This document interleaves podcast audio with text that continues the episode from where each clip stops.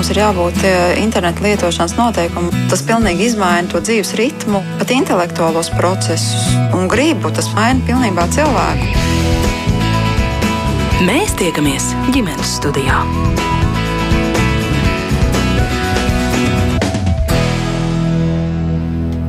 Labdien! ģimenes studija sāk savu skanējumu. Jūs sveicina rādījuma producente Ilza Zvaigzne un es Agnes Linka. Gadi, gadu gadiem mēs dzirdam, ka Latvijas skolās ir problēmas ar vienaudžu savstarpējo vardarbību, ar pāri darījumiem. To šobrīd mēs saucam par mobbingu, arī par bulīngu. Jāatzīst, ir notikušas jau vairākas eh, lielas kampaņas mūsu valstī. Arī šobrīd ir tāda, kas vēsta, ka ņirgāties nav smieklīgi, taču tāpat laikā nu, nav tādu statistikas datu, kas rādītu, ka situācija šajā ziņā uzlabotos. Tieši pretēji, vardarbība skolās ir izplatīta un laikam arī tik grūti apkarojama, ka, piemēram, likumdevējiem radās ideja tās īstenotājs no skolu vides izslēgt vispār. Nu jā, vakar gan šie grozījumi izglītības likumā netika virzīti tālāk un cēmas komisijā netika apstiprināti. Tikmēr problēmas paliek, un arvien biežāk, piemēram, mēs redzījumā ģimenes studiju saskaramies ar jautājumiem un problēmu situācijām, un arī tāpat sociālos tīklos, kas, būsim godīgi, diezgan lielā mērā ir mūsu sabiedrības spogulis. Mēs lasām vecāku jautājumus par tēmu, bet ko tad darīt, kā pasargāt uh, savu bērnu, ja skolā viņam dara pāri, bet tur esošie atbildīgie pieaugušie nav ieinteresēti vai nav spējīgi problēmu risināt. Par to tad arī mēģināsim runāt šodien ģimenes studijā, un šai sarunā šodien piedalīties piekrituši, un paldies par to, Laureņš sākums skolas direktors Kristaps Zaļais. Labdien! Labdien! Arī Rīgas pašvaldības policijas bērnu likumpārkāpumu profilakses nodaļas speciālista psiholoģiskās konsultēšanas jautājumos Aija Lilienfelda kopā ar mums ģimenes studijā šodien. Labdien! Labdien! Un arī divu bērnu māma Gunita Barišs esat šeit eh, piekritusi padalīties savā pieredzē. Labdien! Labdien! Kā alaži arī jūs klausītāji esat laipni aicināti pievienoties mums šai sarunā, ja ir kas eh, sakāms. Mēs kā vienmēr gaidīsim jūsu komentārus, viedokļus, eh, pieredzes stāstus. Rakstiet ģimenes studijā no Latvijas radio mājaslaps. It īpaši, ja jums ir pieredzē balstīts sakāmais par um, to, kā mobbinga problēma izskatās Latvijas skolās un kā tā tiek risināta jūsu izglītības iestādē. Es eh, laikam tiešām sākšu vispirms ar eh, jautājumu mammai, jo, Gunit, es gribu lūgt izstāstīt, nu kāda tad ir tā jūsu pieredze par mobbingu kā problēmu skolu vidē. Mm, kā tā ir tikusi izprasta, atpazīta vai risināta. Jo, piemēram, pirms kāda laika jūs savā Twitter kontā rakstījāt, kurš ir tas brīdis, kad ir jāraksta klases biedra vecākiem par uzvedību vai sišana pa seju un spēršana pa kāju ir pēdējais brīdis, un vai skolotājs atbild nav ko sūdzēties, ir trauksmes vērta. Tāds bija jūsu ieraksts Twitter kontā. Par ko ir stāsts un kāda tā jūsu ģimenes pieredze? Šis konkrētais bija gadījums uh, sporta stundā, kur uh, pēc tam analizējot, mēģinot saprast, kas tur pa lietu īsti ir bijis. Nu, Mana reakcija bija, bija jautājums Twitterī. Uh, un, un, un tālāk es, protams, to nekur nu, necēlu un neanalizēju un, un negāju, negāju runāt ar skolotāju. Um, droši vien tāpēc, ka tas, tas, tā galvenā problēma man kā mammai ir saprast, kura tad ir tā robeža, nu, kad tā ir tāda pasūdzēšanās, vai kad tas ir tiešām jau nu, pārdarījums. Vai jābūt tam bērnam ir zilumam, vai, vai pietiek ar to, ka viņi vienkārši nu, konstatē faktu un man par to pasaka. Mm -hmm. nu, tas noteikti ir tāds uh, jautājums. Uh, priekš manis, un, un droši vien arī sabiedrībai ir dažādi viedokļi par šo tēmu. Mm -hmm. um, tur bija vienkārši tāds, uh, bija sporta spēle, ķēra bumbu, viens bērns, mans bērns. Uh, mans bērns noķēra, tas, tam bērnam tas īpaši nepatika.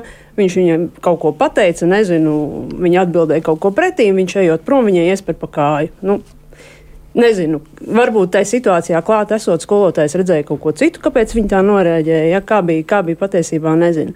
Bet stāsts īstenībā ir tālāks, jo nu, klasē ir, es pat teiktu, tur nekad nav bijis. Nu, tāds, kā, kā mēs varam iedomāties, nu, kā skolnieki skolā sēž, visi smuki mācās, viss smuki notiek. Un tur ir tā, ka um, to vidi bojā vai, vai varbūt ietekmē nelabvēlīgi daži puiši, kuri vienkārši neklausa ne to skolotāju, kas ir priekšā, vienu, otru, trešo, principā nevienu.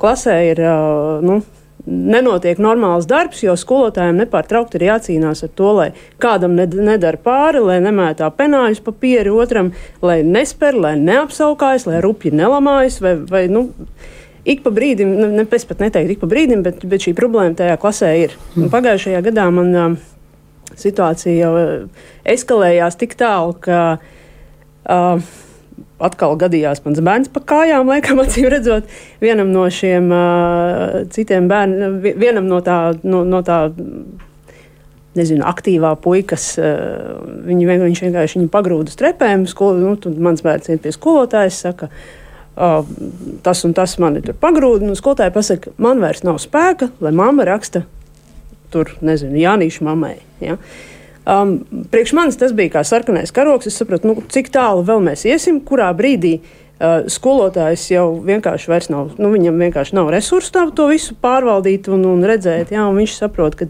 es, es vismaz kā mamma saprotu, ka skolotājiem vairs nav spēka, viņš to atbalstu nesaņem. Man ir kaut kas jādara. Es izrunājos ar skolas psihologu. Viņa teica, jā, lūdzu, rakstīja vēstuli direktoram, mācību daļai. Um, domāsim, darīsim. Nu, es tā arī izdarīju. Uh, uz mirkli pagājušā gada semestra otrajā pusē tika piesaistīts atbalsta personāls.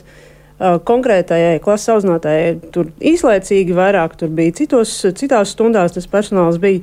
Es prasīju meitai, nu kā, kā tad ir kaut kas mainījies. Nu jā, ir bijis viņa labāk, bet nu, lielā mērā tā problēma pavisam netiek atrisināta vienalga. Um, gads šogad sākās, nekas nemainās, atbalsta personāls nav vairs piešķirts. Uh, nezinu, acīm redzot, atkal gaida kādu vecāku iesniegumu. Nu, nu, tā ir tā mana problēma. Varbūt nav asiņaina vai, vai, vai, vai nezinu, tur, tur ar skolas maiņu, bet nu, tā ir ikdienas skolā. Un tad jautājums ir par to, vai mēs kā vecāki to uztveram pārāk jūtīgi, varbūt tā problēma nav nemaz tik liela. Nu, nu, mēs arī esam auguši, un, un tāpat tās uh, bijušas gan grūstīšanās, gan apskaukšanās, gan viss kaut kas pārējais. Nu, kur ir tā robeža? Kad to var saukt par vardarbību. Mm -hmm. nu. Paldies par šo ievadu. Kristap, vaicāšu jums, ar kādām domām jūs šo klausāties un eh, kā tās situācijas tiek eh, regulētas jūsu skolā? Ir kāds algoritms, kā jūs eh, risināt vienaudžu savstarpējās vardarbības problēmu? Uh, ja jautājat par emociju, tad laikam visām emociju gammām iziet cauri. Jo nu, dzirdējām uh, savā ziņā tipisku mammu, ar eh, visām eh, atklāsmēm par to, vai ir par daudz vai ir par maz un vispārējo. Eh, grūti tā no malas noklausoties situāciju no vienas puses, un visticamāk tādā ziņā nedzirdot arī pašu skolotāju viedokli, ko viņi redz, neredz, attiecīgi kāds notiek mācību stundās un vispārējo. Cik saprotu, vairāk no tāda bērna atstāsta, kas, protams, ir daudz, bet bieži vien tas, ko var novērot skolā, ka bērniem arī patīk stāstīt stāstus, un jūs nepieminējāt klases un vecuma posmu, tad to vēl grūtāk visu ir izmērīt. Bet, jebkurā gadījumā tur, tur, tur ļoti daudz retorisku jautājumu, ko varētu atbildēt visu raidījumu, bet, ja runājam jau par konkrētību un tādiem praktiskiem piemēriem un ko darīt, nedarīt, tad A, man liekas, ja šeit izskanēts jautājums arī, kas Twitterī bija jums minēts, un arī tagad, nu, kur ir tas brīdis, vai man rakstīt vai nerakstīt, es saku, ja tāda doma ir, tad jau vien ir jāraksta. Nu, tādā ziņā skola nav bubuts, skola nav kaut kas tāds, kur attiecīgi pajautāt, un tad dusmās jums atbildēs, nepalīdzēs vispārējo. Man liekas, labāk lieku reizi jēgpilni, normāli skolai pajautāt. Es domāju, skola tikai par to priecāsies, jo, nu, pieņemsim arī, es nezinu konkrēto piemēru, bet, nu, man arī, nezinu, prasa direktoru Jānītam tajā klasē tas notika tajā stundā. Nu, direktors nezina par to visu. Loģiski viņam ir arī jāveic savu tādu iekšēju izmeklēšanu, ja tā varam runāt, lai to visu saprastu. Nu, tā. Un loģiski bieži vien tādi signāli, ko dod, ir izpalīdzoši. Jo jāsaprot, ka arī ir pedagogi, kur pieņemsim ne ļoti labprāt stāstīs, ka viņam klasē iet slikti, jo tādā ziņā viņš uztīs, ka nu, viņš atzīst savai vadībai, ka viņam iet slikti. Mm -hmm. Kaut vai tu mudini un saki, mēs palīdzēsim, bet viņi to nevēlēsies darīt. Nu, tāpēc tas nav nekas slikts, kas, manuprāt, ja jūs lieku reizi uzrakstīsiet skolai, skola jums atbildēs un pēc būtības palīdzēs. Tas ir par to, kurā brīdī jāraksta. Ja gribās un ir tā doma vispār galvā, es domāju, ir jāraksta. Par algoritmiem, kas notiek noteiktās situācijās, jā, mūsu skolā tāda algoritma ir. Dažādos gadījumos, kas ir emocionāla, fiziska vardarbība, kas notiek, protams, tam ir robeža. Jūs runājat, ka nav asiņaina, bet nu, tur neizklausījās tāpat normāla situācija. Jebkurā gadījumā skolā ir Protams, ir dažādas skolas, un es, mēs jau arī te pirms īstenībā runājām par tādu vispārināšanu visu skolu gadījumā. Nu, mūsu skolai mēs esam starp tiem, kam ir atbalsta personāls un, un, un gana plašā spektrā nodrošināts, kad uh, var gan uz stundu, kur pēkšņi nu, kaut kāda X lieta notiek, pasaukt to sociālo pedagoģu, psihologu, skolotāju palīgu, kādu no administrācijas, kas nu, var pieslēgties, nu, jo notiek tādas nu, trakas arī dažreiz lietas, nu, kur tiešām bērni izdara tiešām sliktas lietas, kur nu, skolotāji vien netiek galā un viņai vajag palīdzību tagad un tūlīt. Nu, un, protams, tad ir sistemātiski risinājumi, kas ir, pieņemsim, ja tev ir tik noteikts negatīvs piezīmes, kas ar tevi notiks. Nu, pieņemsim, nevis, ka tev e-klasē ir 101 negatīva piezīme, nekas dzīvē nemainās. Nu, mūsu gadījumā, attiecīgi, ik pēc piecām negatīvām piezīmēm, tev ir nākamais potenciālās sekas tavai izdarībai. Nu, pieņemsim, kur sākumā tā ir vienkārši vēstule vecākiem, ka jāparunājās. Turpinās nenotiek tā jau ir saruna ar vecākam audzinātāju, tad ir vecāks audzinātājs sociālais pedagogs, tad, ja netiekam galā, tad arī direktors jau iesaistās. Nu, un tā mēs soli pa solim ejam, nu, kas ir šīs sistēmas, kurā mēs visi reaģējam uz notikumiem. Jo, nu, protams, kaut kādas lietas var notikt, bet es vēlreiz saku to, ko jūs runājat, tas neizklausījās normāls uh, ikdienas lietas, jo, nu, atkal, protams, jūs sakat, nu, stundā bļauju, es atzīšu. Man blakus Nē, ir nu, kabinets visi jā, jā, nu, tur, tur, tur mēdz būt dažādi. Tāpēc tas tāds vispārnējums, bet sistēmas un struktūras ir tās, kas jebkurā gadījumā šādos gadījumos palīdz un tās skolām vajadzētu būt. Mhm. Kā jūs šo savu struktūru, ja jūs ja īsti drīkst to papildu jautāt, esat uzbūvējuši? Ka, uz, uz kā balstoties jūs to izveidojāt? Salikām galvas kopā un domājām. Uh, tajā skaitā uh, skolā tādā ziņā nav nekas uh, ģeniāls, kad jāliek galvas kopā un visiem jādomā. Protams, tas ir tāds lauka izpētes saucamā, ka tu apskaties, kas citās skolās notiek ne tikai Latvijā, bet arī ārpus Latvijas. Paskatāmies pāris labās pieredzes, kas mums liekas pielāgojams, nu, un mēģinam tad jau viņu pielāgot mm. mūsu apstākļiem. Nu, es neteiktu, ka tur ir sevišķi tāds speciāli. Vai latviski, Latvijā ir tāds juridisks dokuments, kas paredz šo sistēmu struktūru, ir ieteikumi, raksturi dažādiem dokumentiem, vai kāds viens no viņiem man šķiet pareizais? Nē, bet viņus saliekot kopā, apskatoties, man liekas, var izdomāt uh, labu praktisku sistēmu, kas arī skolā var strādāt. Mhm. Ir brīži, kad tas nedarbojās. Protams, skolā vispār ir brīži, viskaut kam, kas viskaut kas Mhm. nestrādā. Nu, šeit mums ir kolēģis no pašvaldības policijas, arī mums ir situācijas, kurā mēs iesaistām pašvaldības policiju, kas ir tie, jo nu jāpredz arī šīs sistēmas, kā jau teicu, nu, ir sistēmas, kur, piemēram, tu stundā traucē, un tev, diemžēl, to nevari uh, nomierināt tevi, bet tas nu, visticamāk netraucē tik būtiski, kā, pieņemsim, tavam bērnam fiziski sit, nu, ko fiziski ietekmē. Nu, tie tie gadījumi, kur, nu, tad attiecīgi arī mēs skatāmies, cik tas tālu ir, nu, un tie robeži ir, nu, kur nav jāiet visi soļi, un tur notiek tās smagākās sakas, nu, mm -hmm. kas arī pašvaldības policija noteikti jau stāstīs, bet arī tas ir liels īstenībā resursu skolām, kas ir, un es atzīšu, nu, kad, ā, labi, protams, mums ir sākuma skola, un tas ir cits vecuma posms, un, es saku, jūs nepieminējāt kā vidusskolā. Sākumskola. Jā, nu tad, Arī sākumskola, Jā, nu Ivona tad stāsta. sākuma skolas mm gadījumā īstenībā policists formā, kas aprunājās atsevišķi pie direktora kabinetā, aiziet arī uz klasi parunāties. Es esmu redzējis darbībā, kad ir gana efektīvs rīks īstenībā. Tad es pasmaidīju, jā, jā, jā. Es gribu pavaicāt, cik bieži, eh, ja drīkst, jūsu redzeslokā nonāk eh, vienaudžu konflikti, vienaudžu vardarbības gadījumi Ja es tieši teikšu, ka policijā? katru nedēļu Katru nedēļu. Jā, mm -hmm. uh, tādas īpašas statistikas uh, šobrīd nav tas, kas ir pieejams Instagram kontā. Pašvaldības policijas iknedēļas atskaites, pats, ja mēs runājam par vardarbības, paskatījos, pagājušā nedēļā bija 22 ģimenes konflikti. Tās ir iespējamas situācijas, kurās uh, pie ģimenes konflikta, ka tēvs, mamma strīdās vai vienalga, kas tur notiek, ir klātesošs bērns.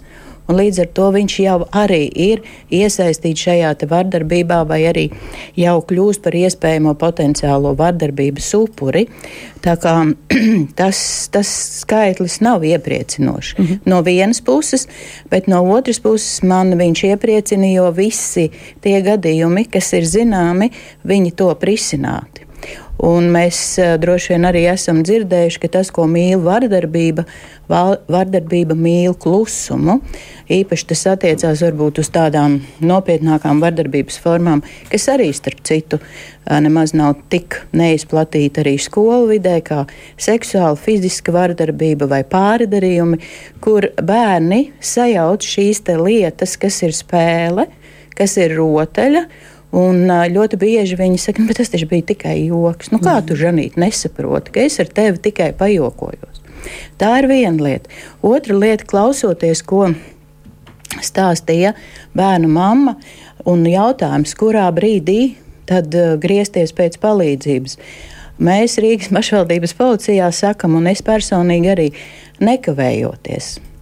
Tūlīt, kā tiek konstatēts tas fakts, vērsties pēc palīdzības, sākt par to runāt, ir ļoti, ļoti svarīgi. Jo vardarbība kā fakts kas nu, tāds uzvedības fakts. Jā, viņam tur ir dažādas izpausmes, dažādas darbības, rīcības, bet tas ir ļoti traumatisks process. Tā ir psihiska trauma bērnam, kura, kā mēdz teikt, uh, psihoterapeiti, nu, mēnesis, divus mēnešus tā jēdzīgi vēl ar viņu var dzīvot, sadzīvot, risināt, bet pēc diviem mēnešiem ieslēdzās mūsu, tā skaitā arī bērnu, pašdziedināšanās process, tas notikums iekup, iekapsulējās, un mūsu vidū aug viens cilvēkbērns, kas saka, kāda jēga? Kāda jēga par to runāt? Mēs savulaik pašvaldības policijā, nodaļā, kurā es strādāju, man par to arī ir prieks, ka mūsu nodaļai jau ir 16 gadi, bērnu likuma pārkāpuma profilakses nodaļā uzņēmām filmu Joka pēc. Un šajā filmā uh, viņa veidota no tādiem trīs sižetiem vai pastāstiem, kuros bija iekļauti nu, tādi trīs stāsti par piedzīvotu vardarbību. Tā bija arī skolotāja attieksme pret bērniem, kā skolotāji reizēm, nu, tieši tāpat kā visi cilvēki, mēs visi, starp citu, ja kas visi mēdzam, nē, bet varam kļūt. Vardarbīgi. Vardarbīgi. Tas ir mūsos ielikts potenciāls, bet tā ir tā mūsu izvēle, kā mēs kurā brīdī rīkojamies. Tad bija bērnu savstarpējie pāridarījumi un vēl viens. Un Kāpēc šī filma tapa? Ne tik daudz par sižetu, bet filma tapa par tāpēc, ka kādā Rīgas skolā bērni sāka teikt, bet mēs jau pie tā pierodam. Mēs pierodam pie tā, ka mums dara pāri. Un tāpēc, nu, kādas tur tādas nu, sīkums. Mm. Bet vai ar filmu un kampaņu palīdzību šo var uh, mazināt? Ar, ar uh, tā cienīties? nav ne kampaņa. Mm. Filma ir, viņa gan ir jau tāda gana sena. Uh, bet uh, tā nav kampaņa, tas ir ikdienas darbs. Man gribas teikt, ka Rīgas pilsētā ir izveidojusies ļoti, vai pietiekami laba, nevar teikt, ļoti pietiekami laba sistēma jo vārdarbības gadījumu risināšanai, kā jau teica skolas direktors, tai ir jābūt sistēmai, sistēma, kurā sadarbības partneri vienopus pirmām kārtām viens otram uzticoties ja, par to, ko viņi darīs un ko viņi nedarīs, kopīgi risina konkrēto gadījumu, konkrētu. Jo katrs gadījums, katra situācija ir jāskata individuāli. Jā. Par sižetiem un individuālām situācijām runājot, eh, jā, Gunita īsi jau var. Man viens tāds būtisks jautājums, gan direktors, gan uh, arī, arī pašvaldības policija runāja par to, un tad es izdomāju, vai tie pieaugušie, kas ir skolā starp tiem bērniem, tajā vidē skolotāji, atbalsta personāls, vai viņi to vardarbību tur uz vietas neredz? Jo mēs jau kā vecāki dzirdam tikai vienu viedokli, kas ir tiem skolotājiem un kāpēc viņi neceļ augšā un neiet pēc palīdzības klauva. Man te ir klasē problēma, es ar viņiem netiek galā, viņi vienkārši šim jautājumam būs jāpaliek ar daudz punktu, jo, lai paspētu visu, kas mums šodien ir iecerēts, es, eh, mēs noteikti pie šī atgriezīsimies. Kristaps jau ievilka elpas, redzēja, bet mums ir vēl viens eh, mammas uzticēts stāsts ģimenes studijai, arī viņas eh, stāsts ir tāds, ka pret bērnu skolā um, tiek izvērsta vārdarbība. Ieklausīsimies šīs māmas teiktajām. Tas viss sākās tad, kad uh, iepriekšējā klase bija spiesta sadalīties pa citām esošajām klasēm, jo aizgāja prom skolotāji. Viņa trešajā klasē nokļuva citā klasē, kur jau bija savi līderi, formālie, neformālie, kur tāpat arī bija viena meitene, kuru apcēla līdz tam, kura bija tā kā upuris saucamais emocionālās vardarbības. Par cik mana meita ir diezgan līderiska, viņa labi mācās, viņai nav nekādu pārkāpumu un problēmu, un visi viņai padodas, viņa piedalījās dažādos konkursos. Viņa nepatika klasē, bet meitenēm konkrētāk. Un viņa tika sākta kā, no sākuma bakstīta mazliet ar vārdiem. Tur, teiksim, nelielies, ko tu lepojies, ko tu visu laiku stāsti par to. Pirmais signāls, kas man darīja uzmanīgi, bija fizkultūras, kur viņi bija iedalīti komandā ar šo vienu meiteni, kas viņu patstāvīgi uzraudzīja un, un aizskāra. Viņas komanda bija zaudējusi, un meitene sēžot blakus manai meitai bija saknējusi viņai kāju ar tekstu tevis dēļ. Mēs zaudējām, mums nevajadzēja tevi komandā. Un tas bija pirmais tāds signāls, ka nu, pat jau ir tā, ka tā meitene neapstāsies, ka tas būs tālāk. Uh, es, protams, ziņoju skolai, un skola man apsolīja, respektīvi šī skolotāja, kas ir fiziskultūras skolotāja, apsolīja šo meiteni pārunāt. Arī klases audzinātāja tika informēta. Man stāstīja, ka tiek piesaistīti psihologi un darbinieks, kas saprot skolotāju palīgs, ir, un situācija ir atrisināta. Tā tas atnāca līdz manām ausīm. Nākošajā nedēļā tas viss turpinājās, bet nu, jau šī meitene laikam bija brīdināta arī mājas no vecākiem, ka fiziski ietekmēt nedrīkst. Sākās vārdiska, un sākās ne tikai vienas meitenes pret vienu meiteni vārdiskā apvainošana, bet tika ievilkta jau klase, tika noskaņoti bērni, tika stāstīts, ja tu ar viņu draudzēsies, mēs tevi, ar tevi nedraudzēsimies. Viņai mantas tika saspārdītas, respektīvi soma, jaka bija netīra. Nu, tur tiešām varēja redzēt, ka tas nav netīšām vienkārši uzkāpts virsū. Un tad arī manai meitai sākās tāda mazvērtības kompleksa, ka viņa jau sāka baidīties. Man viņa stāstīja visu, bet es viņu nekādu nevarēju iedrošināt stāstīt to skolā. Man ilgi nebija skaidrs, kāpēc viņa negrib skolā stāstīt to nevienam. Līdz uh, viņa nokļuva 5. klasē, kur nomēnījās citu skolotāju. Un kulminācija bija Ziemassvētkos. Pirms Ziemassvētkiem atkal bija tādas ļoti asas vārdu pārmaiņas. Viņa atkal bija apsaukāta, tā kā noniecināta. Ja viņa par kaut ko ir priecīga, viņai darīja visu, lai viņa ir bēdīga. Ja viņa gāja pusdienās, tad viņa tika nejauši atgrūsta tā, lai viņa būtu pēdējā. Ēda viņa viena pati. Tā meitene vienmēr centās iesaisties starp manu meitu un citām meitenēm, lai manai meitai būtu jāsēž vienai pašai, nu, tā kā jājūtās pilnīgi atstumtai no visas klases. Un kulminācija bija Ziemassvētkos, kad uh, meitenes bija tā kā viņu divas meitenes. Uh, iepriekšējā šīs klases upuris un jaunā kā pāri darītāja, noskaņojot klasi, bija radījuši tāds apstākļus, ka man meita vienkārši negribēja iet uz skolu vairāk. Tīri tādu emocionālu apsvērumu dēļ, ka viņai nebija vispār garstāvoklis doties uz šo skolu. Es uh, devu ziņu skolotājiem, teicu, ka tas jau vairs neskatās veselīgi. Es saprotu, bērni var strīdēties un viss, kas var notikt, bet es arī nu, klases audzinātāju informēju, ka es gribētu arī šo jautājumu jau pacelt plašāka mēroga amplitūdē, respektīvi runāt ar um, nepilngadīgo vietu inspektoru, kas mums arī ir novadā. Tāpat arī es teicu, ka es labprāt painteresētos arī bāriņtiesā, lai apskatās, kas notiek šajās ģimenēs, ja vienā tādā meitenē var būt tik ļoti daudz tāda ļaunuma pret otru bērnu. Skolotājs atbild mani nošokēja. Skolotājs vienīgais teikums bija, lūdzu, lūdzu, tagad nē, pagaidīsim, viss atrisināsiet, nesabojāsim Ziemassvētkus. Un tajā brīdī man likās, ko tā skolotāja vispār domā. Ja klasē ir samilzusi problēma, kas jau iet no trešās klases, skolotāja man apgalvo, ka lai es nesabojāju Ziemassvētkus citiem, Savukārt, absolūti nevienā brīdī es nedzirdēju, ka viņa uh, apjautātos vai man vai manam bērnam, kā mēs jūtamies, kāda mums vajadzīga ir palīdzība, kāds atbalsts no skolas. Nā, nākošā epizode, protams, ilgi nebija jāgaida, pagāja Ziemassvētku skolēnu brīvdienas. Tad jāsaka tā, ka laikam bija tāda kulminācija tiešām kad uh, visā klasē nu jau tika atklāti, ne jau tā vairs tikai divu meiteņu starpā, bet visas meitenes jau tika iesaistītas šajā konfliktā, nostādot pret manu bērnu. Var cikot, tas jau nebija, teiksim, trīs līdz piecu meiteņu konflikts, bet klase ir liela, 30 pāri bērni, un visi bērni tika mēģināti noskaņot pret manu meitu, respektīvi klasē nedrīkstēja neviens ar viņu sēdēt, nedrīkstēja ar viņu nekur iet. Ja viņai bija draudzene, ar ko viņas kā kopā tur vairāk vai mazāk gāja gan pusdienās, valstīm mājās. Šai meitenei tika noliegts ar, ar tekstu, ka mēs ar tevi nedraudzēsimies, tad tu būsi ar viņu kopā, neviens vairs ar tevi negribēs nerunāt, nekā. Punkts bija tāds, ka dažas meitenes klasē bija salūzušas un raudādamas bija skrējušas pie skolotājas un teikušas, ka viņas to nevar vairs izturēt. Un mana meita tajā brīdī, jau bija tā nocietinājusies, ka viņai vairs nebija nekāda emocija. Viņa nebija ne dusmas, ne raudāšana.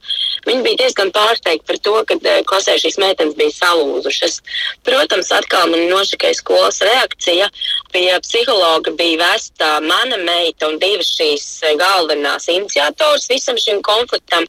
Lai gan es skolotāju biju pirms tam lūgusi, ja notiek kāda vešana pie psihologa vai notiek kāda saruna mazākā lokā, ka es tomēr nepiekrītu, ka mans bērns iet kopā ar šīm varmākām, jo mans uzskats bija, ka no sākuma ir jārunā ar meitenēm un jāizprot tās meitenes pirms aicināt manu meitu klāt un piedalīties šādās sanāksmēs. Skola to noignorēja. Es arī piedāvāju, daži vecāki vēl citi arī piekrita, ka mēs varētu ņemt ārkalpojumu kādu zinošāku psihologu, psihoterapeitu, kas varētu strādāt ar visu klasi jau. Arī šis tika viss, tā teikt, nolikts, ka tas nav vajadzīgs. Bija vēl arī pandēmijas laiks. Tad arī atcaucoties šie pandēmijas laiku, visi var sakot, bija pret. Nu, man bija milzīga neizpratne, un es arī sapratu savu bērnu tajā brīdī pilnībā, kāpēc viņi negrib iet un teikt pieaugušajiem, jo viņi saprata ātrāk par mani, ka tam ir nulles vērtība. Diemžēl ne skolotāji, ne skolai. Man sāpēja sirds. Es ļoti daudz par viņu pārdzīvoju, un daudz ar viņu arī pati mājās runāju, iedrošināju, cēlu viņas pašapziņu un, un stāstīju viņai, ka viņa viss kārtībā, un ka viņa ir gudra un tas ir labi, un, un ka šie bērni ir tikai bērni uz šo brīdi klasē, kad viņi nebūs visu dzīvi viņai blakus. Bet jā, nu es redzēju, kā viņa palēnām pārvēršas. Un pēdējo pusgadu, mm, kad viņa arī fiziskultūrā bija saņēmusi traumu, kas bija nopietna trauma, un tur joprojām man arī nav skaidrs, vai tas bija tīšām vai netīšām. Bet bija tā, ka pēdējo pusgadu mācījās mājās. Un es arī skolas direktoram lūdzu atļauju, lai viņai tomēr atļauj piedalīties attālināti stundās. Un es redzēju, cik viņa mājās ļoti izmainās, cik viņa paliek tāda pozitīva, pat arī tāda saskarsmē, tāda maigāka, tāda siltāka, sirsnīgāka. Tad eh, šis gads bija tāds izšķirošais gads. Un tajā brīdī, kad es sapratu, ka mēs varam apvienot ar uh, blakus esošo uh, skolu, um, mans lēmums uzreiz bija mainīt viņai skolu. Principā tas bija viņas lēmums, es viņu atbalstīju. Un, un šīs pārmaiņas, ko es tagad redzu, saprotu, ka mana vaina ir, kad es ātrāk nenorēģēja, viņi nepārceļot citu skolu. Jo man arī no skolas puses mēģināja stāstīt arī šie vardarbīgās meitenes vecāki, ka tas jau nerisinās problēmu, ka tas jau neko neatrisinās, ka jūs pārcelsiet uz citu klasi, viņi lika man saprast, ka tā ir mana bērna vaina. Un, jā, un vēl kas man bija jocīgi arī ar šiem vecākiem, kad es pārunāju šo meiteņu vecākiem. Tikai vienas meitenes vecāka atsaucās, ar kuriem es varēju pārunāt šo situāciju. Otrs meitenes vecākiem atbild bija īsa. Nejaucieties, tās ir pusauģu darīšanas, viņiem jāmācās pašiem risināt problēmas. Bet to, ka tā jau nebija tāda vienkārša problēma, ka tā jau bija tāda otra bērna pilnīga nolikšana līdz zemi. Paldies Dievam, manam bērnam nekad pār lūpām nenāca vārds, ka viņa negrib dzīvot, vai ka viņa viss ir tik tālu apnicis, ka viņa negrib eksistēt. Bet man šķiet, ka iekšēji viņa bija tik ļoti salauzta. Nu, viņa arī redzēja, ka es visu laiku mēģinu klauvēt pie visu apkārt esošo pieaugušo, pie skolas, pie vecāku sirdsapziņas.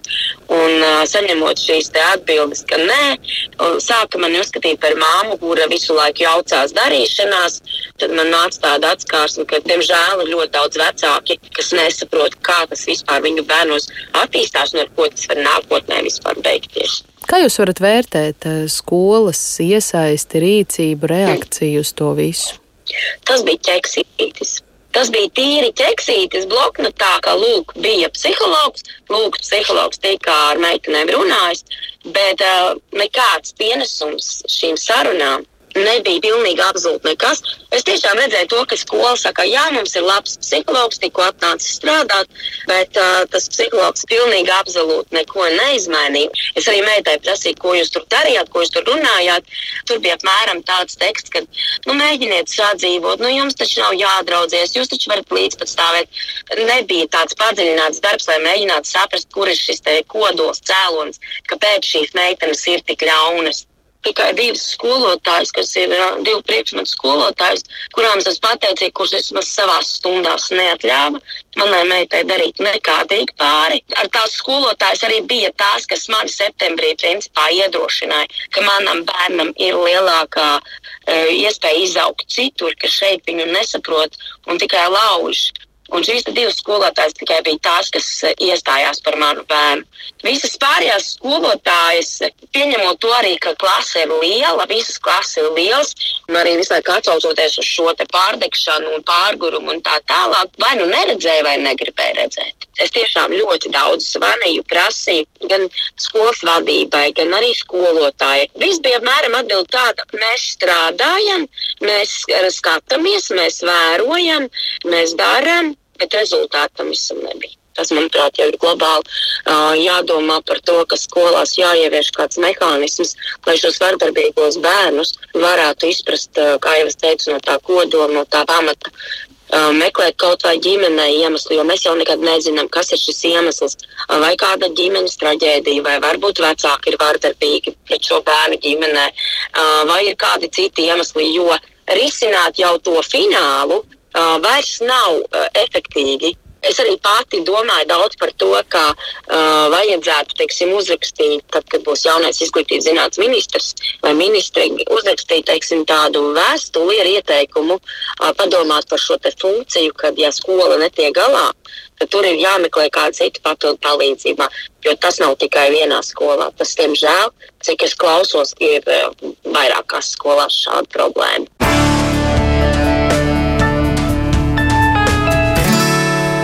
Tāds lūk, pagaršs mammas stāsts. Šodien ģimenes studijā atgādināšu, ka runājam par to, kā rīkoties vecākiem, kur bērns cieš no vienaudžu pārdarījumiem, ja skolas puse neiesaistās vardarbības mazināšanā. Un man viesi šodien ir Kristaps Zaļais no Laurenču sākuma skolas direktors Rīgas pašvaldības policija pārstāvāja Liliena Felde un arī divu bērnu māmu Gunita Bāris šodien ģimenes studijā. Kādu komentāru par dzirdēto? Pārdomas, replikas, ieteikumi? Drīkst. nu, lūdzu, dāmām nevar atlikt. Klausoties šo stāstu, um, man, protams, nāca prātā vairākas domas, jo izskanēja arī vairāki jautājumi, bet um, mēģināšu tā sastruktūrēt. Pirmkārt, jebkurš vardarbības fakts, vai akts, vai situācija, vai gadījums, vai rīcība, sauksim mēs viņu vienalga, kādā vārdā sevī satur milzumu daudz dažādu emociju. Jo vardarbība pamatu pamatos tā ir vardarbīga uzvedība. Un uzvedības kā tāds dzinulis vai virzītājs spēks ir tās mūsu emocijas.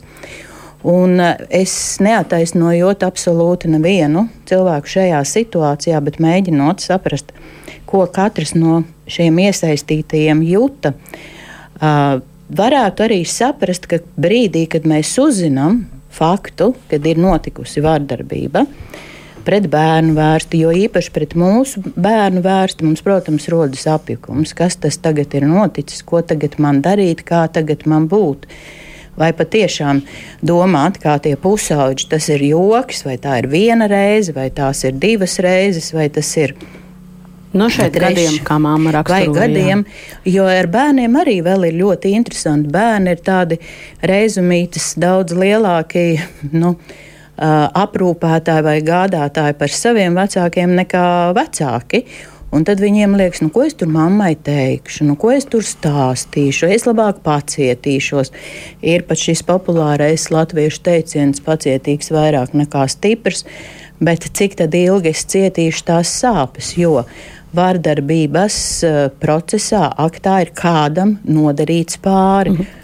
Jā, ai, piedodiet, es jau varu īsi šo domu pabeigt, jo man gribas par to racionālo, vai šis būtu Jā. policijas gadījums. Ko Jā, jūs protams, šajā situācijā? Uh, jebkurā, jebkurā gadījumā uh, vērsties pēc palīdzības, vērsties ar jautājumu, ko man tagad darīt, jo ir nodarīts pāri pārdarījumu, tā nu ir policijas kompetence. Ja? Arī šādas emocionālās vardarbības, mobbinga atpazīšana. Jā, jā.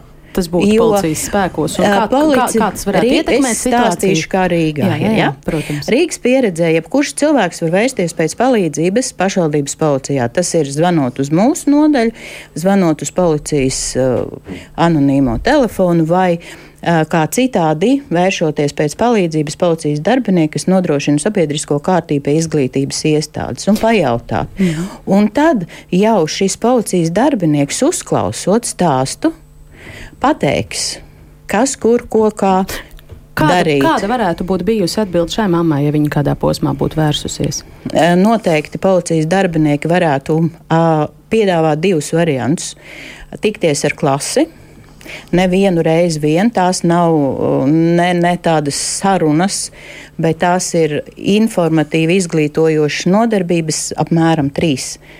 Četras reizes, lai izprastu ar bērniem, pārunātu daudzas lietas par viņu Darbs ar rīcību. grupu. Darbs Jā. ar grupu, darbs ar klasi, jo vēl bez vārdarbības ir arī liecinieki, veicējs un liecinieks. Iespējams, ka varētu piedāvāt uh, tikšanos ar klases vecākiem, vecāku sapulcs, ir iespējams tikšanās pie izglītības iestādes vadītājas saruna, bet to gala lēmumu, jā, policijas darbinieki piedāvā diezgan plašu Piedāvā resursu. kam? Izglītības iestādei arī sazinoties arī vecākiem. Vecāki arī ir ļoti aktīvi, viņi arī paši vēršas ar piedāvājumiem, un tad tiek pieņemts tas lēmums, mm -hmm. ko tad darīt konkrētā brīdī. Vai nav gadījumā tā, ka šajās situācijās diezgan bieži skolas tā teikt nevēlas iznest uz āru to, ka tādas lietas mums gadījumi notiek? arī ir. Mums arī klausītāji raksta, jā, ka direktori uh, ir atbildīgi situācijas, bet negrib uz āru neko par to stāstīt. Kristapam grib dot Jā, un tad mēs brīnamies, kāpēc uh, mums direktori un skolotāji trūks, ka šis ir tas, par ko mēs runājam, nevis par labām lietām, ko viņi dara, bet uh, tas tā uh, varbūt. Uh, replikai īsai. Bet uh, sākums. Jūs gribat teikt, ka par šo nevajag runāt? Nē, ja mēs tikai skolām pārmetam, man ļoti žēl, ka mēs nedzirdam skolas stāstu par to, kas tur notiek. Bet jūs esat šeit, lai stāstītu skolas Jā, es varu stāstīt savu skolas pieredzi, nevaru stāstīt. Es gribu ļoti cerēt, ka manā skolā nebūs gadījumu, kur četrus gadus tiek viss ignorēts. Jā. Un tāpēc man ļoti aizskar, ka mēs par izglītības sistēmu kopumā runājam par šo, nevis par to, kas arī viņā labs notiek. Un arī šajos Mēs gadījumos, kā risinājumos, statistikas Jā, tad, par mobbingu Latvijas Tad nedrīkst izglītības pabeigt labi. Drīkst, drīkst, drīkst, bet izglītības iestādēs mobbinga dati ir ļoti bēdīgi. Mums ir par šo jārunā. Piedodiet, lūdzu, turpiniet. Drīkst pabeigt domu. Jā. Paldies. Uh, vēlreiz es nesaku, ka šo nav jārunā, bet runājam arī labo, ko mēs darām. Jo šajos gadījumos divos, un arī man neļāva atbildēt ļoti retorisku jautājumu, kas ir ļoti būtisks. Kad, uh, kāpēc skolā neviens šo neredz vai ko? Man ir grūti par konkrēto skolu runāt, un tāpēc es esmu šeit viens direktors. Es vēlreiz un vēlreiz pateikšu, ja jūs man parādīsiet skolotāju manā skolā, kas šādi klāji ignorē un eh, pasaka, ka vajag jauku Ziemassvētkus, es būšu pirmais, kas tā kā ies un risinās šo jautājumu. Un uh, tas, man liekas, ir tas, kad. Uh, Mēs kaut kā pēc noklusējuma izdomājam, ka skola šo ignorē, neredz, negrib redzēt. Tā kā arī jūs sakat, ignorēsim vai par šo nerunāsim. Nē, stāsts ir par to, un es nezinu, kā to daudz ir izdomājuši, ka mēs tagad kā skolas izliksim pie šiltītes tā. Šodien direktors ar sociālo pedagogu risināja šo četru bērnu jautājumu, šo sešu bērnu jautājumu, to un to trīs vecāku jautājumu, to, lai visi visu zina. Jo nu, šeit arī jāatcerās, ka uh, dažādos jautājumos, un arī šajā pēdējā, ko mēs klausījāmies, mammai jau bija daļēji un uh, viens risinājums, ka viņi gribēja, lai nu, individuāli runā, nevis grupā. Un šeit arī, arī jūs kā speciālists runājat par to, ka grupas risinājums īstenībā šeit nav slikts. Nav slikts, bet jā. ir individuāli. Katra Jā, bet, nu, ir, jā, jā, atsevišķa. jā, bet redziet, šeit arī māte nāca ar savu risinājumu, kur viņa redzēja, un skola nedara to risinājumu, un tas ir jau atkal pieņēmums. Bet mēs nezinām tās skolas atbildi, kāpēc tika darīts viens vai otrs un netika. Drīkst, turpinot jā. jūsu domu par to, ā, redzat, kur ir vēl viens, es viņu sauktu par klupšanas akmeni. Mums bieži vien ir skaidrs, kas ir jādara citiem konkrētā situācijā, un arī šeit uh, saklausīt, tas nav pārmetums, tas varbūt ir ļoti laba izglītotība, bet uh, mēs nākam ar gaidām, ka skola pieņemsim. Uh, Šī te kon pieņemsim, nu, pafantazēsim, konkrētā skolā būs gadījums, un es kā mamma vai kā oma eju uz skolu, un man ir skaidrs, kas ir jādara direktoram, kas ir jādara psihologam, kas ir klases audzinātājam, kas ir kas. Un ja skola uzklausot manu kā omas satraukto stāstu, saka, jā, paldies par informāciju, mēs Tieši tā kā mamīte saņēma atbildi, rīkosimies, bet ja mana a, tā atbilde ir drusku citāda, nu, es domāju, jāiet pa labo ceļu. Pola saka, vai nu pa vidu, vai pa kreiso, varbūt vispār uz turaidi jāizbrauc, un tad mēs runāsim. Tad mēs arī kļūstam dusmīgi, mm. neapmierināti. Bet stāsts jau ir par to, ka tas, tas, tas bet, vienīgais, ka, bet, kā bet, mamma nomēra, darbojās vai nedarbojās, ir tas, ka situācija ir arī paturpināt mazliet, ko jūs sakat. Un tas ir tas stāsts par tām labajām praksēm, uz ko es vēršu uzmanību. Nu, ka nav Latvijā tikai izglītības sistēmā skolas, Nē. kurā notiek tikai mobbings, visi visus ignorē, viss ir slikti, negribam runāt, vispārējo vienkārši analizējam un skatāmies, ko dara labās skolas un to praksi pārņemam. Tā ir tā viena lieta. Otra lieta, nu arī šeit, nu, Es domāju, arī daļa no mums, es pieļauju, ka īstenībā šeit viss ir vecāki. Nu, nav arī tā, ka mēs vienmēr ar pirmo metodi ar savu bērnu visu atrisinām. Nu, arī skolā nav tā, ka mums visam ir maģiskā noviņa. Mums tagad atnāk Jānis Pēterīt, kas kaujās, negrib draudzēties. Mums tagad ir visam noviņa, mēs bams, un viss ir skaisti. Nu, tā nenotiek skolā. Mums arī ir etapi, posmi, ka mēs ejam cauri un cenšamies to atrisināt. Es saku, ignorance, klāja, ignorēšana, nevēlēšanās, tas ir cits tāds. Un tie ir tie kliedzošie gadījumi, kur nav jārisina šeit ģimenes studijā. Mēs mēs nerisinām, mēs apmainamies ar pieredzi, lai domu. citiem vecākiem jā. Jā, būtu iespēja. Jā, pabeigt domu. Paldies. To ir jārisina tiešām, jo konkrētajā skolā tā notiek. Nu, nedrīkst būt tāds izglītības skolas Latvijā, kur šādi notiek. Tas ir pēc fundamenta. Un tas, tas ir jārisina tad jau netiekam galā, zvanam izglītības pārvaldēji, runājam, nu, kāpēc tā skola tā dara. Bet uh, neradam to sajūtu, ka šādi dara visās skolās. Nu, nav tā. Un tad risinām, nevaram izglītības pārvaldīt. Nu, ejam uz IKVD, nu patīk. Es zinu, vecākiem zinu tos telefonu numurus IKVD, nu piezinām par tēmu un izrunājamies. Bet interesanti, ka tajos stāstos nav tas, tajos entajos vecāku jautājumos, arī sociālos tīklos. Ko jūs darījāt šajā situācijā? Neviens jau neaiziet uz to IKVD. Tur jau tas jā, joks, jā, un tas skolām tas... liekas, ka visi vecāki to tik vien dara, kā zvana uz IKVD. Iet, iet, bet ne par to, ko vajag bieži vien. Un tas ir tas stāsts. Jā. Gonita ir ilgu laiku klusējusi. Es arī es viņai gribu iedot vārdu. Jā, jā. tūlīt tikai pēdējās divas lietas par labām pieredzēm un labām praksēm ir ekscelenti. Tepat Rīgā netālu. Pie vecrīgas ir viena skola, kurā strādā burvīgs sociālais pedagogs, kura tad, kad ir šādi vai citādi uzvedības problēma fakti konstatēti, zinat, ko viņa dara? Viņa tādā lielā krēslā, kā no te daži sēž, es stāvu, apsēdina vispirms to bērnu, apsēžās pretī pati un saka, stāsti bērns, kas tagad notika.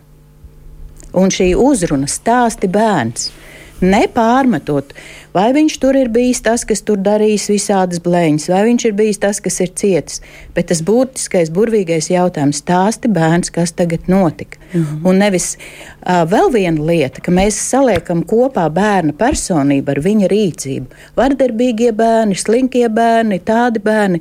Mēs esam cilvēki, mēs rīkojamies, mēs bieži vien vardarbīgi, agresīvi, slinki bet tās nav mūsu daļas. Un tie bērni, kas patiešām bieži rīkojas vardarbīgi, viņi reizēm sāk lepoties. Jā, man jau teica, mm. ka es tāds esmu. Jā. Tas mūsu redzījuma virsuzdevums ir mēģināt noskaidrot, ko vecākiem darīt, iegūt kādus padomus vai pavadienus tajās situācijās, kas nav labās prakses piemēri. Tas ir tas, ko es gribētu, ka mēs atceramies, lai mēs iedodam jūs kaut kādu cik viņi ir jūtīgi atlikumu. Protams, protams, par to šaubām. Gunit, ko jūs kā māma domājāt, klausoties šajā stāstā un arī šeit sarunbiedru teiktajām? Nu, ja godīgi skarbs stāsts. Um, tas ir īstenībā sasaucās ar to manu jautājumu, ko es uzdevu pirms ieraksta. Um, tie cilvēki, kas tur ir, tie pieaugušie, nu ne tikai tā mamma, bet tie pieaugušie, kas ir tajā skolā un kas to redz ikdienā. Nu, nu, cik tad, nu, nu vai viņi ir vienaldzīgi, vai viņiem viss jau ir tik tālu, ka viņi vienkārši to vairs neredz? Nu, Un tad es arī par to spērienu sporta stundā domāju, nu labi, tie 30 bērni, viņi visi tur skraida, visi tur ņemās, tur viens tur to izdara, to izdara. Un tā skolotāja droši vien jau tajās, tajās visā tajā barā, tajā troksnī, droši vien, nu, varbūt redzēja, ej, nu, atmet roku, nu, ko tu te sūdzies, ejam tālāk. Šī problēma, kas bija ierakstām, man likās, nu, nu, nu to nevar neredzēt. Nu, nu kā, kā skolā cilvēki, pieaugušie divas skolotājas, nu, tas ir Nu, Šeit atkal daudz punkts. Ir tā, ka šodien uz mūsu sarunu aicināti bija un ļoti piedalīties vēlējās arī pusauģu resursu centra sadarbības projektu vadītāja un mentora Romija Krēziņa, taču šeit klātbūtnē viņa nevarēja ierasties un beig beigās sanāca tā, ka Romija noklausījās šīs māmas stāstu un beig beigās arī viņas komentārus. Man liekas, ārkārtīgi izplatīta ir ideja par to, ka skola nodarbojas ar bērnu izglītošanu, savukārt vecāki nodarbojas ar bērnu audzināšanu. Tāpat laikā skola ir pirmā sociālā situācija, kur bērni mācās būt, sadzīvot jau tādā lielākā sociumā. Un savā ziņā tas, kas notiek mūsu skolās, mēs varētu to traktēt arī kaut kā līdzīgi ar to, kādā veidā mēs iemācāmies vispār būt sabiedrībā. Kas ir pieņemts sabiedrībā? Piemēram, sabiedrībā nav pieņemts tā kā, nezinu, stučīt vai ne. Un tas savā ziņā nāk no skolas, kur, ja kāds kādam dara pāri, Tu nebūsi tas, kurš to teiks. Tu nevari to teikt, jo tā ir sūdzēšanās. Un sūdzam bībeles tā kā nu, nevienam nepatīk. Nu, tātad skola ir savā ziņā mazs tāds sociums. Un mēs sociumā nevaram būt bez socioemocionālajām prasmēm socioemocionālo prasmu ieviešana, mēs esam to atlikuši tiešām līdz pašam, pašam pēdējiem brīdim, kas ir nu, cerams, ka kaut kas šobrīd sāks notikt ar jauniem likuma grozījumiem. Bet principā skolās vajadzētu adaptēt. Citās valstīs tas jau ir e, ļoti sen, piemēram, Norvēģijā antimobbinga, antibullying programmas, piemēram, ir ieviestas jau 90. gadu sākumā. Visās skolās vienlaicīgi. Tātad, jebkurā skolā darbojās uz pierādījumiem balstīta antibullying programma. Nevis tāda, kur mēs kaut ko tur izmēram, kaut ko paskatāmies un kaut ko tur izķeksējam, kaut kādus sliktos bērnus, un, un tad viņus kaut kur pie psihologiem labojam. Bet kopējā sistēma, kurā mēs strādājam, gan ar skolotājiem, gan ar skolas administrāciju, gan ar pašiem skolēniem, primāri, lai veidotu labu sociālo klimatu skolā sekundāri, lai veidotu šo ziņošanas sistēmu un ziņošanas pieņemamību. Treškārt, lai monitorētu bullying rādītājus visā skolā. Un ceturtkārt, lai arī ieviestu komandas, apmācītu speciālistus pareizos veidos, kā ar šo tikt galā. Ar kaut kādām vienkāršām bullying vai ņirgāšanās vadlīnijām mēs šo neatrisināsim. Būsim godīgi. Ja mums Latvijā notiktu tāda kārtīga pētniecība, mēs varētu izstrādāt pašu savējo programmu, tas būtu fantastiski. Bet mums Latvijā mēs neesam ieviesuši nevienu uz pierādījumiem balstīto programmu, visaptverošu programmu, iztulkojuši, adaptējuši un ieviesuši Latvijas skolās, kas varētu efektīvi ar šo cīnīties. Un paralēli tam ir vairāki līmeņi, kādā veidā mēs strādājam. Jo mēs nevaram strādāt ar uzmanību, ja mēs nezinām, vai bērns vispār zina pareizo uzvedības modeļus.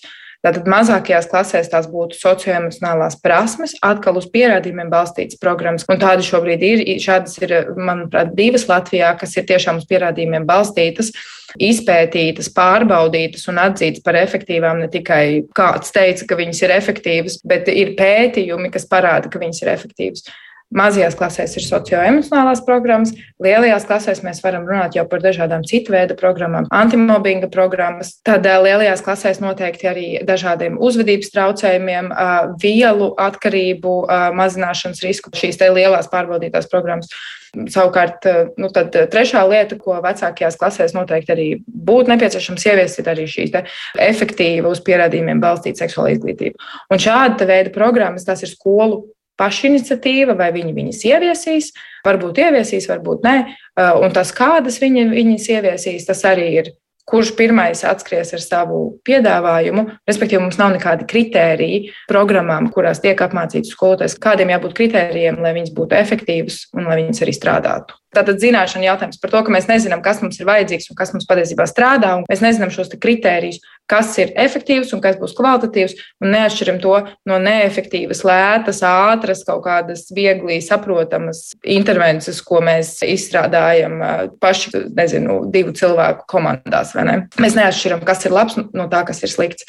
Ne tādā politiskā jautājumā, jautājumā ne arī, arī skolu jautājumā, un, un būsim godīgi, arī dažkārt speciālistu izpratni izpratnes par to, kas ir kvalitatīvi un kas nav kvalitatīvi, arī ļoti atšķirās. Sekundāri tas ir arī politikas jautājums. Piemēram, skatoties to pašu Norvēģijas pieredzi, tad viņiem bija vairāk gadījumu, kur mobbinga dēļ jaunieši bija izdarījuši pašnāvību, un tad šī ķēdīte, lai notiktu skolu reformas un lai bērnus pasargātu skolās no šāda veida uh, uzvedības, uh, viņi nāk no augšas, kur politika uzliek par pienākumu ieviest pierādījumos balstītas programmas un parādīt viņu efektivitāti, tad, kad viņas tiek ieviestas paralēli konstanti monitorējot to, kādā veidā skolas viņas ievieš, vai viņi viņas izmanto, cik aktīvi viņas tiek izmantotas un tā tālāk. Un savukārt skolu uzdevums ir parūpēties par to, lai šīs programmas tiktu ieviestas, lai viņas tiktu darbinātas, lai mēs izglītotu skolotājus, lai mēs izglītotu administrāciju, lai mēs izglītotu bērnus par šiem jautājumiem.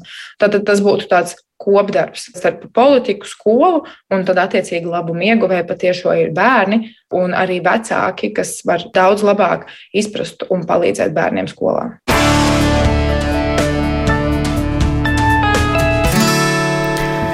Tālūk, Romija Krēziņa no Pusauģa resursu centra. Kam varbūt piekrītat vai iebilstat viņas teiktajām? Es piekrītu, ka tam būtu vajadzētu šādai uh, programmai, kurā ir gana daudz uh, vadlīniju, norādes, bet katra skola, katrs gadījums tiek risināts individuāli. Uh, mana pieredze reizēm varbūt ir tāda, ka notiek mēs kā cilvēki mainām savas darba vietas un tās brīnišķīgās labās iestrādes. Uh, vai speciālists, kas ir apguvis šo programmu, viņš aiziet prom, nāk cits. Un tad ļoti bieži nāk saskarties ar to jautājumu, es tikko sāku strādāt, es neko nezinu. Viena lieta, otra lieta, ja mēs veicam speciālistu atlasu, tad ārkārtīgi svarīgi būtu šo te pašu speciālistu, kas vadīs programmas atlasi, cik viņi ir motivēti, radoši, attraktīvi. Jo patiesībā vārdarbības gadījuma risināšana, jebkura, ikviena, katra atsevišķā, prasa milzīgus resursus no tā cilvēka, kas risina, un plus vēl radošumu mm. un veselīgu humoru. Jā, nu mums vajag izcilniekus tur, kas šo darbu dara. Tas nav viegls darbs, tas ir noteikti.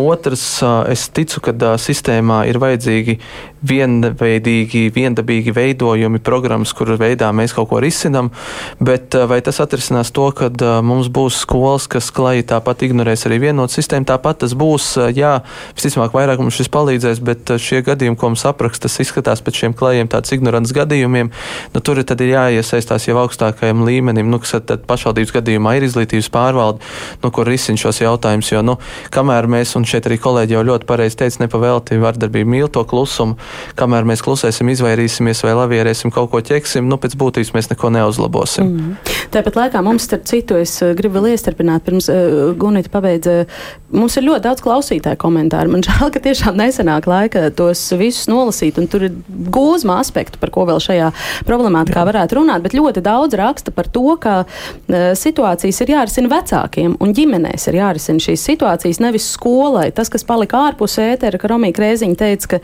šis ir pilnīgi greizs skatījums, un kā viņi noslēdz, mēs dzirdējām, ja tas būtu tāds vienots vadlīnijas no augšas, tālāk eh, skolām pienākums tās ieviest, ieguvēji ne tikai bērni, bet arī vecāki, jo vecāki jau laikam tad nu, nezina, kā tās lietas darīt. Vai jūs piekrītat šādai secībai? Protams, no vienas puses jau gribās, lai daudz ko mājās atrisina uz skolā, citas problēmas, kā iemācīt matemātiku, nevis šis, bet uh, realitāte ir jāsaprot, ka daudzos gadījumos šiem bērniem skola ir bieži vien tas pēdējais salmiņš, kas var iemācīt vai, šo būšanu, draudzēties un kā būt daļai no sabiedrības.